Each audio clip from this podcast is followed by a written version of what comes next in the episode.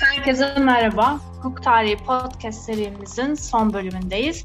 Bu bölümde Antik Yunan'da savunma ardından tarihte bilinen ilk mahkeme kararını inceleyeceğiz ve son olarak Türk hukuk tarihinde avukatlığın gelişiminden bahsederek serimizi sonlandıracağız. Hoş geldin Berkan. Hoş bulduk Sena. Tüm dinleyenlerimize de merhaba diliyorum iyi günler diliyorum ya da iyi akşamlar diliyorum. Bizi günün hangi vaktinde dinliyorlarsa eğer. Bugün son bölümümüzdeyiz. Senin de söylediğin üzere ben sizlere ilk önce antik Yunan'da savunma nasıldı bundan bahsedeceğim. Daha sonra sizi tarihin başka bir bölümüne götürüp tarihte bilinen ilk mahkeme kararını sizlere söyledikten sonra Türk hukuk tarihine aslında son verdik demiştik anayasa tarihiyle geçtiğimiz haftaki bölümde ama e, ben bilgi vermelere doyamadığım için e, dedim ki kendi mesleğimin de Türk hukuk tarihindeki gelişimini vermezsem olmaz diye e, çıkarak yola sizler için bunun da araştırmasını yaptım ve bugün karşınızdayım. Şöyle başlayalım. Adem ile Havva dünyaya gönderildikten bir süre sonra önce Kabil sonra Habil isimlerinde iki erkek evlatları olur. Kabil tarım işiyle uğraşırken Habil hayvancılık ile uğraşmaktadır. Habil'in Tanrı'ya armağan olarak adadığı hayvanların daha çok beğenilmesini kendine yediremeyen Kabil, şeytanın da kandırmasıyla taş vasıtasıyla kardeşini öldürür. Hepiniz bu olayı biliyorsunuz kıymetli dinleyenler. Hem İslam dininde yer alan bir hikaye hem de Hristiyanlıkta yer alan bir hikaye. Peki bu olayı günümüzde 2021'de yaşandığını düşünün ve Kabil gözaltına alındı diyelim. Ya da kendisinin bir vekili var gözaltında karakola geldi ya da vekili yok barodan bir müdafi atandı CMK aracılığıyla. Bu hukukçu kişinin yapacağı ilk şey nedir? Kabil'in alacağı muhtemel bir ağırlaştırılmış müebbet hapis cezasını haksız tahrik ya da ihal indirimiyle azaltmak olacaktır. Ancak somut olayda Kabil'in bir savunucusu yoktu ve babası Adem onu yargıladı oturdukları topraklardan sürme kararı alarak Kabil'i hayatta yalnız bıraktı. İşte bu ilk suçun cezalandırılmasıyla insanoğlunun adalet arayış serüveni de başlamış oldu. Adaleti arayanlar günümüzde de olduğu gibi avukatlardır. Tarihsel çizgide advokatus, muhami, yalvarıcı, logograf, vekil ve avukat gibi farklı isimlerle de anılsa özünde yaptığı iş aynıdır bu kişilerin insanların kurallara uygun şekilde yargılanarak adaletin gerektiği gibi tecelli etmesini sağlamaktır. Bugünkü çalışmamızda sizinle tarihsel çizginin Yunan mitolojisiyle antik bölümüne, antik Yunan bölümüne gireceğim ve Yunan'daki boyutunu izledikten sonra az önce de söylediğim gibi iki konu daha sizlerle paylaşacağım. Antik Yunan'da en büyük adliye Tanrıların Dağı. Bunu Ankara Hukuk mezunu arkadaşlarım da çok iyi bilir. Olimpos'ta kurulmuştur. Olimpos 2917 metre yüksekliğinde bir ulu dağdır. Bu dağ Yunanlılarda bir korku uyandırmıştır. Çünkü tanrılar insanlar hakkındaki kararlarını hep bu dağda vermişlerdir. Bunun günümüze yansıması ise Avrupa'daki en görkemli binaların adalet sarayları olmasıdır. Çok ufak bir araştırmayla Avrupa adalet sarayları yazarsanız Google görsellere gelecek binaları bir de bizim Sıhhiye Adliye'nin, Dış Kapı Adliye'nin, Balgat Adliye'nin ya da Söğütöz Adliye'nin fotoğrafını yan yana koyun bakalım. Karşılaştırmasını ben sizlere bırakıyorum. Kıymetli meslektaşlarım. Şimdi Zeus'tan bahsedelim biraz. Tanrıların tanrısı Zeus. Antik Yunan'da baş hakim Zeus'tur. Adaletin dağıtımı, yargılama ve cezalandırma faaliyeti Zeus'a aittir. Zeus'un silahı kılıç ya da top tüfek değildir. Sağ elinde tuttuğu yıldırımdır. Adaletin timsali Temis'ten bahsedelim. Herkesin e, avukat olup ofis açtığında çiçek sepetinden gelecek olan ilk hediye nedir? Bir Temis heykelidir. Masasına ya da e, arkada bir yere koysun. Onu da Instagram'a fotoğraf olarak arkada manzara diye güzel şekil duruversin diye. Benim yok. Yalan söylemeyeyim. Adalet tanrıçasıdır Temis. Temis Zeus'un ikinci karısıdır örf, adet, ahlak ve kanunların tanrıçasıdır. Olimpos'ta tanrıların yaptığı toplantılara başkanlık eder. Zeus'a vereceği kararlarda yol gösterir. Adil olması ve adaletin eşit dağıtılması için uğraşır Temiz. Günümüzde Temiz'in tasviri ülkeden ülkeye değişmekte. Kimi ülkede gözünü açık, kimi ülkede gözünü kapalı tasvir ediyorlar. Ama elindeki kılıç ve terazi değişmiyor. Kılıç adaletin ancak güçle getirilebileceğini, terazi ise adaletin eşit şekilde dağıtılması gerektiğini simgelemektedir. Ayrıca Temis'inde e, gözü kapalı tasvir edilenlerde şöyle söyleyebilirim. Gözünün kapalı olmasının sebebi herkese eşit olsun, e, yargıladığı kişiyi görüp de peşin hükümlü davranmasın diyerektendir. Şimdi bir de ilk avukatlardan bahsedelim, Litailerden. Yunan mitolojisinde savunma görevini üstlenenler Zeus'un kızları olan Litailerdir. Çirkin görüntülerin aksine yüce bir ruhla görev yapan Litailer günümüzde avukatların yaptıkları şeyi yapmış ve insanları suçlardan, cezalardan korumaya ve onları savunmaya çalışmıştır. Hakimlere suç işleyenlerin kandırıldıklarını anlatarak Zeus'un onları bağışlamasını talep etmişlerdir. Suç işleyenleri savundukları için avukatlık mesleğinin ilk mensupları olarak nitelendirebiliriz. Litailer hem iyilerin savunucusu hem de suç ve günah işleyenler adına af dileyicilerdir. Mitolojide Litailer suç tanrıçası Aten'in etrafında döner şekilde tasvir edilir. Çünkü Aten'in insanları suça ve günaha sürüklemesine engel olmaktadırlar. Yani bu halleri ile Litailerin önleyici bir rolü de bulunmaktadır. Homeros İlyadası'nda Litailerden şöyle bahsetmiştir. Size ufak bir pasaj okumak istiyorum. Gün olur yanılır, suç işler insanlar. Güzel adaklar sunularla yalvarırlar. Kurban yağlarıyla yumuşatırlar tanrıları. Ulu Zeus'un kızlarıdır Litailer. Topal, yüzleri buruşuk, gözleri şaşı. Koşarlar suçun arkasından dertli dertli. Ama güçlüdür, çevik ayaklıdır.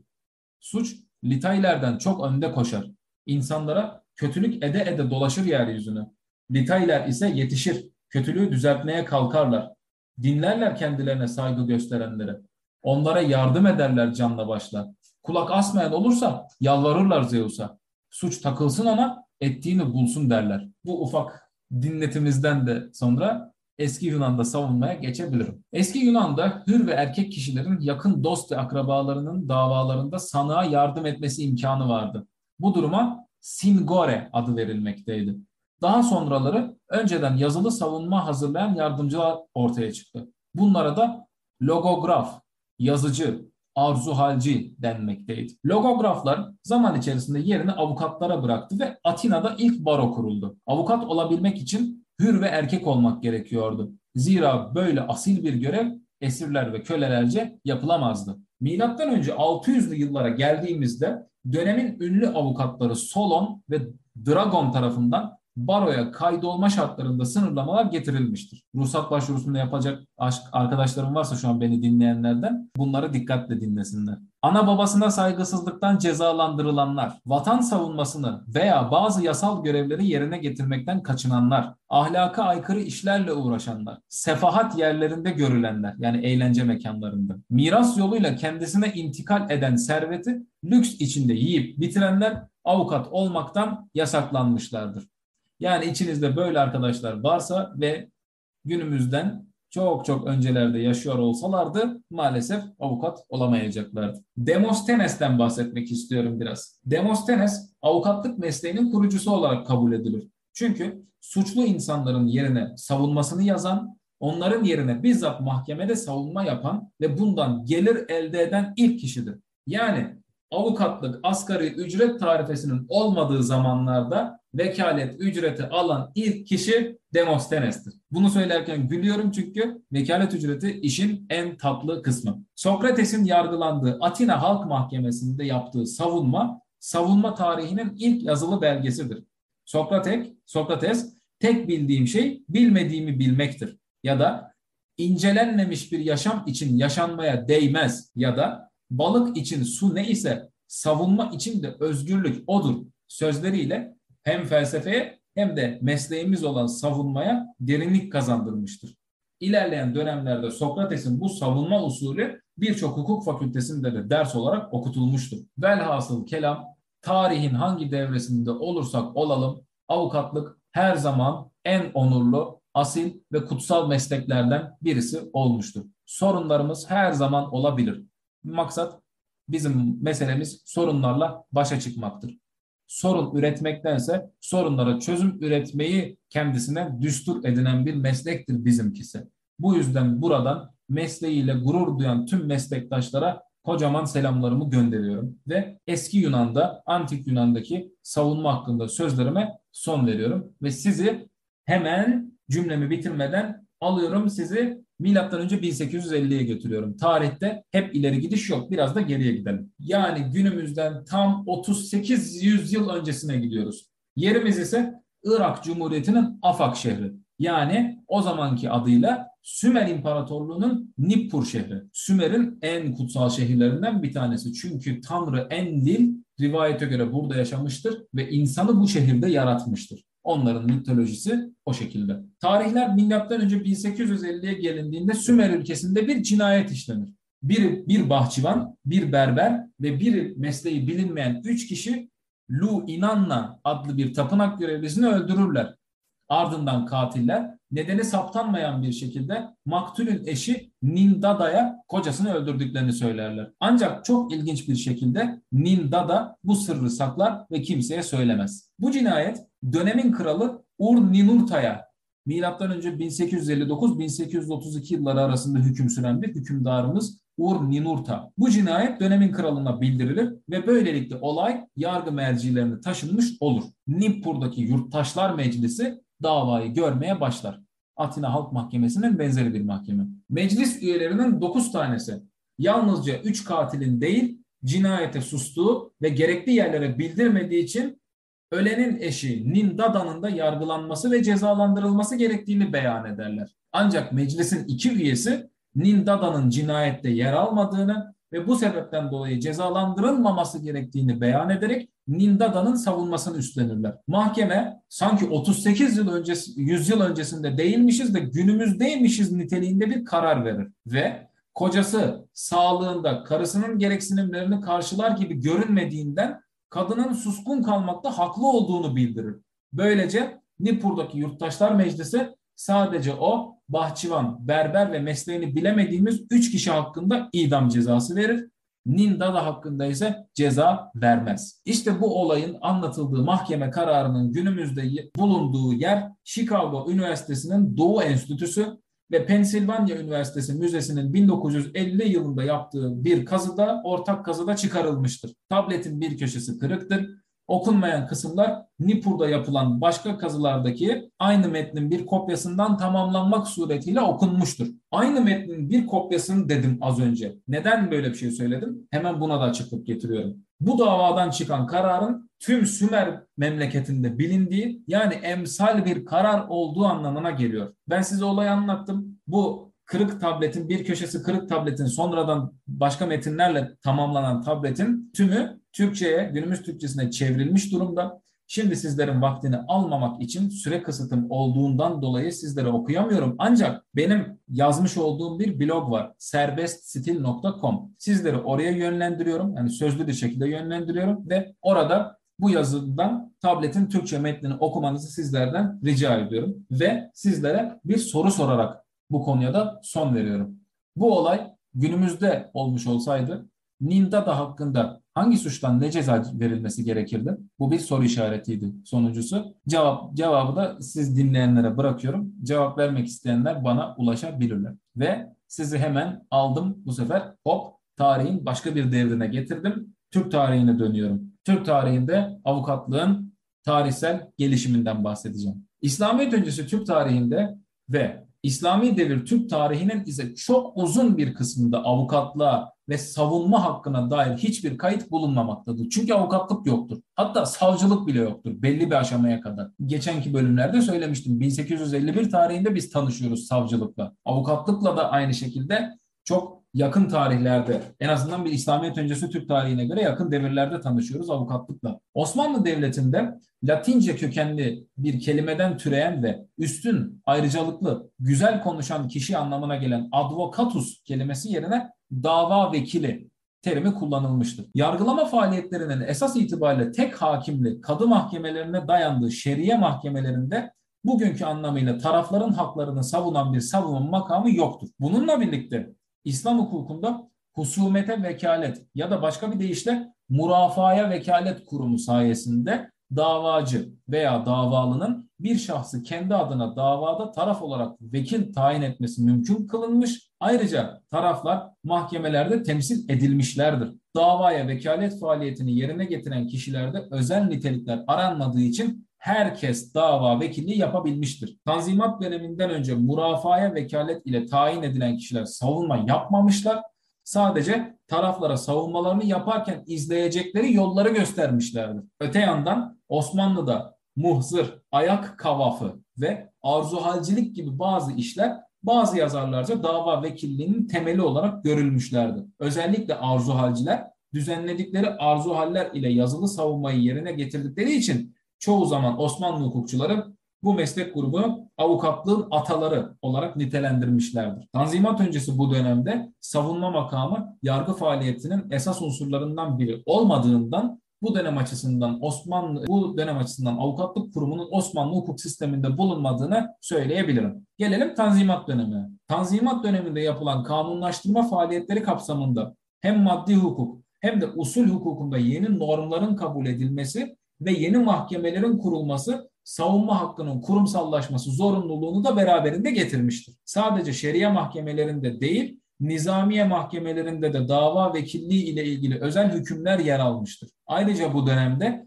dava vekilliği yapacak kişilerde bazı özellikler aranmaya başlanmış ve dava vekilinin bir tanımı yapılmıştır. Buna göre hukuki mevzuatta yer alan şartları sağladıktan sonra vatandaşların maddi ve manevi haklarını savunmaya kendisine vakfeden kişi dava vekili olarak tarif edilmiştir. Tanzimattan sonra çıkarılmış farklı kanun ve nizamnamelerde dava vekaletiyle ilgili hükümler dağınık bir şekilde düzenlenmiştir. Örneğin 1858 tarihli Ceza Kanunname-i Hümayun'unda sır saklama yükümlülüğü içinde dolaylı bir şekilde dava vekaleti konusu da yer alırken 1861 tarihli usulü muhakeme-i ticarete dair nizamname vekil tayin etme konusunda bir hüküm getirmiştir. 1858 tarihli Şurayı Devlet Nizamname-i Dahilisi ve Divan-ı Ahkam-ı Adliye Nizamname-i Dahilisinde ayrıca 1870 tarihli Dersadet ve Mülhakat-ı İdare-i Zabıta ve Mülkiye ve Mehakimi Nizami, Nizamiyesine dair nizamnamede vekille ilgili çeşitli düzenlemeler vardır. Burada söylediğim kelimelerin Türkçesini anlamadıysanız nizamname günümüzdeki daha doğrusu 2017 öncesi Türk anayasa hukuku, idare hukukunda tüzüğü karşılıyor. Dahili ise iç, iç tüzük. Bunlar söylediklerim iç tüzük. Bunlar kanun değil kıymetli dinleyenler. Kanunname-i hümayunlar ya da muvakkat kanun dedimse zaten bunlar kanun olur. Ama nizamname-i dahili dediysem bunlar iç tüzük oluyorlar. İşte bu adını söylediğim 1858, 1861, 1868 ve 1870 tarihli hukuki düzenlemelerde vekille ilgili çeşitli düzenlemeler yer almaktadır. Ancak bu maddelerin hiçbiri vekillerin avukatlık mesleğini yaparken e, yapan kişiler olduğu konusunda bir açıklama getirmiyor. Dava vekili olacak kişilerde özel nitelikler aramıyor. 1874 yılında yürürlüğe giren Mecelle-i Ahkam-ı Adliye'nin vekalet kitabında ise demiştim yani parça parça yazıldıkça, hükümdara sunuldukça, kabul edildikçe yürürlüğe giriyor. Tek seferde girmemiş yürürlüğe diye. İşte vekalet kitabı 1874 yılında yürürlüğe giriyor ve İslam hukukundaki vekalete ilişkin mevcut hükümler özel hukuk açısından düzenleniyor ancak herhangi bir yenilik getirmiyor. Yani İslam hukukundaki vekalet kavramı neyse Osmanlı hukukundaki avukatlık kavramı da aslında bakarsanız aynı. Ya denk e, denk gibi bir şey yani. Dava vekilliğine ilişkin İslam anlayışından, klasik İslam anlayışından ayrılarak modern avukatlık kurumunun Osmanlı yargı sistemi içerisinde yer almaya başlaması 13 Ocak 1876 tarihli Mehakimi Nizamiye dava vekilleri hakkında nizamname ile gerçekleşmiştir. Bazı kaynaklarda Dersadet Dava Vekilleri Cemiyeti Nizamnamesi olarak anılan bu nizamnamede dava vekilliği bağımsız bir meslek olarak kabul edilmiştir. Bakın az önce nizamnamenin adında ne dedim? Dava Vekilleri Cemiyeti. İşte bunun günümüzdeki adı baro. Bu 1876 tarihli düzenlemede dava vekili olabilmek için hukuk mektebi mezunu olma şartı aranıyor. Hukuk mektebi bitirmeyenler için ise sınava girme mecburiyeti getiriliyor. Bu bağlamda 1876 yılında Mektebi Sultani'de hukuk eğitimi vermek üzere özel bir sınıf açılıyor. Söz konusu nizamname ile getirilen en önemli yeniliklerden bir tanesi de ruhsatname sahibi dava vekillerinin isimlerinin cetvele kaydedilmesinde. İşte buna da biz günümüzde baro levhası adını veriyoruz. Ayrıca mehakimi nizamiyede dava vekilleri hakkında nizamnamede Dava Vekilleri Cemiyeti kurulmasına dair yapılan düzenleme sonucunda dedim ya bu bir baro diye işte bu düzenleme neticesinde İstanbul Barosu kuruldu. Avukatın hak ve sorumluluğu, vekalet ücreti gibi konular yine bu nizamname ile ayrıntılarıyla düzenleniyor. 1876 tarihli bu nizamname dava vekilliği mesleğini ilk defa sistematik olarak karşımıza çıkaran bir hukuki argümandır. Nokta. Bu tarihten sonra çıkarılan çeşitli kanun ve nizamnamelerde dava vekilliği mesleği konusunda yenilikler getiriliyor. Mesela 1883 Şubat tarihli dava vekilleri hakkında Rumeli Şarkiye'ye mahsus kanuni vilayette ilk kez avukat kelimesinin kullanıldığını görüyoruz. Doğu Rumeli vilayeti için hazırlanan bu nizamname 1876 tarihli az yukarıda okuduğum o ayrıntılı nizamnameden e, daha da ayrıntılı bir şekilde kaleme alınmıştır. 1892 tarihinde ise Girit vilayeti dava vekilleri hakkında nizamnamede ise dava vekili olabilmenin koşulları, dava vekilinin görev sorumlulukları ve vekalet ücreti de aynı şekilde düzenlenmiştir. 1875 yılından sonra Osmanlı'da modern avukatlık anlayışının oluşmaya başladığını herkesin malum olduğu üzere görüyoruz, tespit ediyoruz. Ancak 1876 tarihli Mehakimi Nizamiye'de dava vekilleri nizamnamesi ile getirilen ruhsatsız dava vekilliği yapılamayacağı kuralı 1886 yılında çıkarılan bir irade-i senniye ile kaldırılmıştır. Ve bu da yani doğal olarak büyük tepkilere yol açmıştır. İkinci meşrutiyet döneminde 1909'da dava vekilleri hakkında kanunu muvakkat 1800 pardon 1909 Kasım ayında da adliye müfettişlerinin vezaif ve derece-i salahiyetlerini mübeyyin talimat yani bir genelge aslına bakarsanız. 1913 Nisan tarihli sulh hakimleri hakkında kanunu muvakkat Mart 1915 tarihli mehakimi şeriyette icrayı vekalet edebilecekler hakkında kanun yine Mart 1915 tarihli Memaliki Osmaniye'de bulunan ecnebilerin hukuk ve vezaifi hakkında kanunu muvakkat, 1919 tarihli Mehakimi Nizamiye'de dava vekilleri hakkındaki nizamnamenin 40. maddesine ek yapan bir nizamname ve 1921 tarihli dava vekaleti ruhsatnamesi istihsaline dair nizamnamede dava vekilliğine ilişkin hükümler ayrıntılı bir şekilde yer almaktadır. Her ne kadar Tanzimat döneminden sonra biz dava vekilliği bir meslek olarak kabul edildi,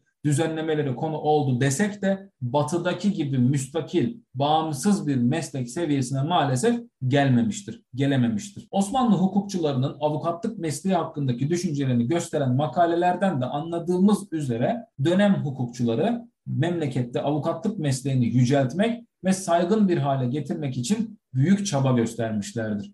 Hukukçular bir yandan muhamat kanununun bir an önce çıkarılması için çalışırken diğer yandan yargı sistemindeki eksiklikleri de dile getirerek güçlü ve bağımsız bir baro kurulması konusunda uğraş vermişlerdir. İstanbul Barosu dava vekilliğinin adaletin yerini bulmasına hizmet eden bir başka ifadeyle kamu hizmeti niteliği olan bir faaliyet olarak kabul edilmesi için mücadele etmiştir. İkinci meşrutiyet sonrasında Muhammed Kanunu'nda 1924 tarihli Muhammed Kanunu değil bu. Ondan önceki Muhammed Kanunu'nda olmasını istedikleri hükümlerin Avrupa'da çıkarılmış olan avukatlık kanunlarıyla benzerlik göstermesi çok dikkat çekmiştir. Ve Türk hukuk tarihinde avukatlığın gelişimine en önemli gelişme ise kuşkusuz 3 Nisan 1924 tarihinde çıkarılan Muhammed Kanunu'dur diyorum arkadaşlar. Muhammed Kanunu 1969'da 7 Temmuz'du yanlış hatırlamıyorsam, yanlış söylüyorsam lütfen kusuruma bakmayınız.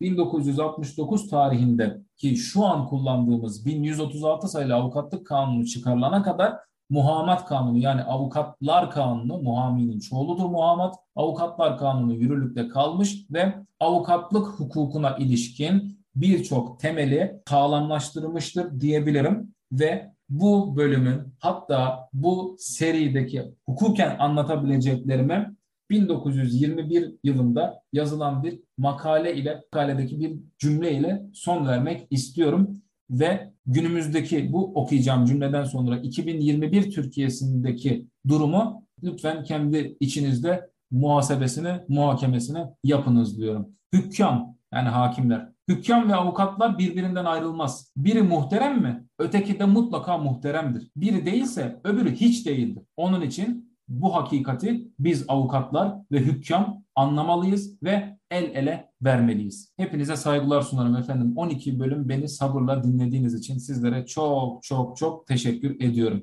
İnşallah faydalı olmuşuzdur. Sürçülisan ettiysek de lütfen affola, affımız da kabul ola. Ben de bu bölümde bölüme ilişkin şöyle bir e, Moller'in sözüyle bitirmek istiyorum. Avukatlar tarih boyu köle kullanmadılar ama hiçbir zaman efendileri de olmadı demiş. Bence bu çok güzel ve değerli bulduğum bir söz ve gerçekten avukatları da avukatlık mesleğinde çok iyi anlatan ve yansıtan bir söz. Aslında avukatlığa dair konuşulacak çok fazla şey var. Gerek günümüzdeki durumuyla ilgili gerek önceki durumuyla ka- karşılaştırmalı olsun. Ama tabii süre kısıtımız olduğu için ve son bölümümüz olduğu için de burada sonlandırıyorum ben de kendi yorumlarımı. Senin eklemek istediğin bir şey var mı Berkay? Benim eklemek istediğim bir şey var. Aslında çok var evet. da işte dediğim gibi evet. maalesef süre, süre, süre. Rıfat kızıyor sonra. 30 dakika geçtiniz evet. Berkay diye.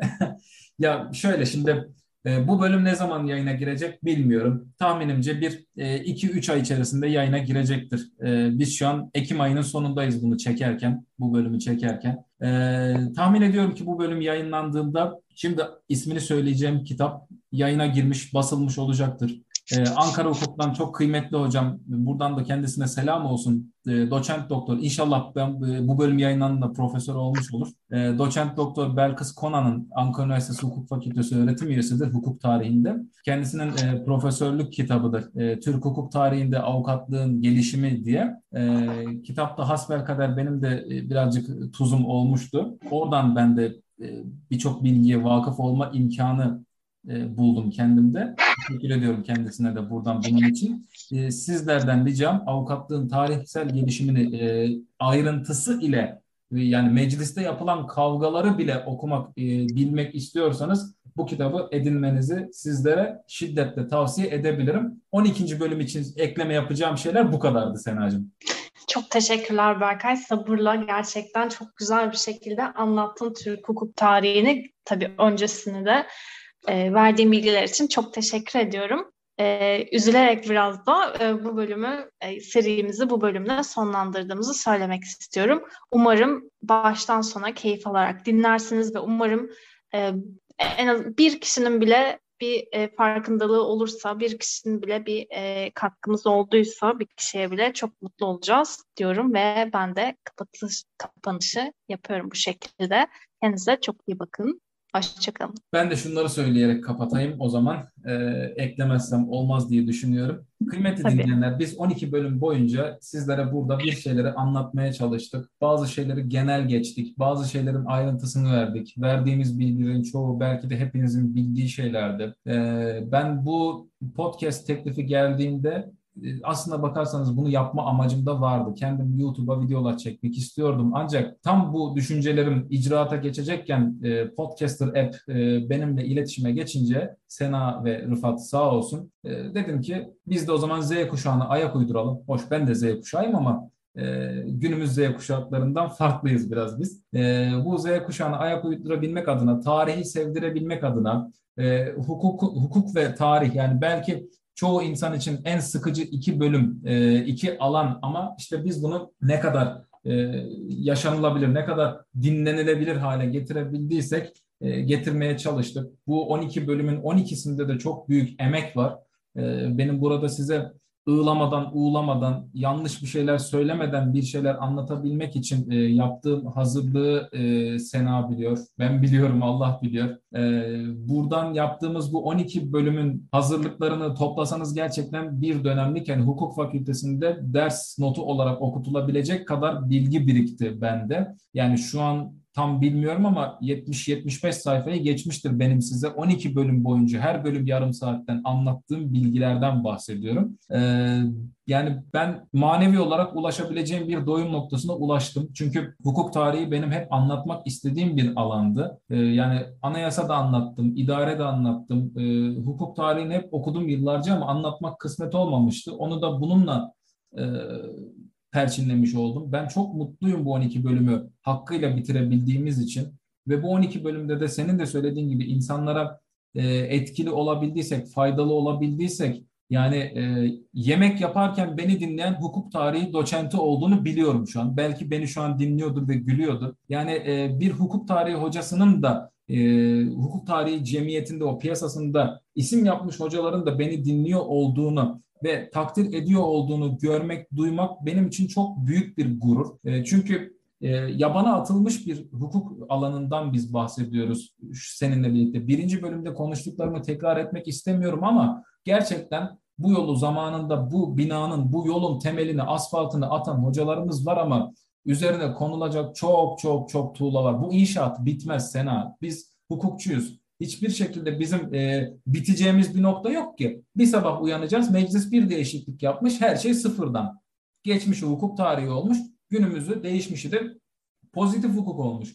Bizim işimiz bitmiyor. Teknoloji gibi biz de sonsuza kadar gelişerek ve değişerek ilerleyeceğiz. Ve bunun da kökleri hep tarihte. Bunun tarihini, bunun felsefesini, bunun özünü anlamazsak biz hukuk teknisyeninden öteye geçemeyiz kıymetli dinleyenler. Yani bakın teknoloji gelişiyor. Yapay zeka, robot teknolojisi yani çok e, tekniğini anlayabildiğim şeyler değil ama mantığını anlayabiliyorum. Yani ileride belki hakimlik mesleği son bulacak. Mevcut içtihatlar içine yüklenecek robotun. Robot mevcut içtihada bakarak olasılıklar üzerinden değerlendirme yaparak karar verecek. Belki böyle bir dünyaya doğru evriliyoruz.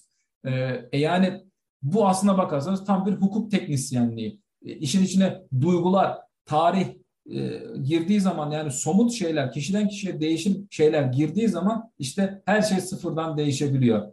E, sıfırdan değiştirebilmek bizim elimizde. Tarih bilerek, felsefe bilerek, sosyoloji bilerek, arkeoloji bilerek yani bakın anlattım tarihte bilinen ilk mahkeme kararı. Belki o kil tablet nasıl bulundu? Yani bunu bunun tekniğini bilmekte fayda var. Veyahut da antik Yunan'da savunma. Belki bir e, mahkeme kalıntısı arkeolojik kazı esnasında bulunmuş. Veyahut da işte Türk hukuk tarihinde avukatlık diye anlattık. Osmanlı'daki vesikalar bunları e, yani çevirtmek için insanlara ağız eğmektense, para vermektense ben kendim öğrenip çünkü sosyal bilimlerin bir bütün olduğunu savunan birisiyim birinci bölümden bu yana e, kendim çevirmeyi ve kendim hukuk tarihine bir şey kazandırmayı tercih ederim. Bunu yapan meslektaşlar olduğunu, bunu yapan hukukçular olduğunu, hukuk akademisyenleri olduğunu biliyorum.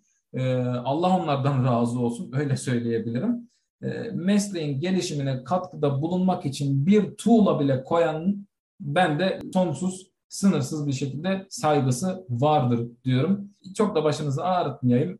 Bu bölümü de burada böyle kapatalım. Hepinize saygılar olsun, sevgiler olsun. Ulaşmak isterseniz Instagram, Twitter, Facebook yani mail nereden bulabilirseniz istediğiniz yerden yazın. Hiçbir konuda cevapsız bırakmam. E, bilmediğim konuda da araştırır dönerim. 7-24 size e, benim cevabım her zaman olacaktır kıymetli dinleyenler. Teşekkür ediyorum. Teşekkür ederiz.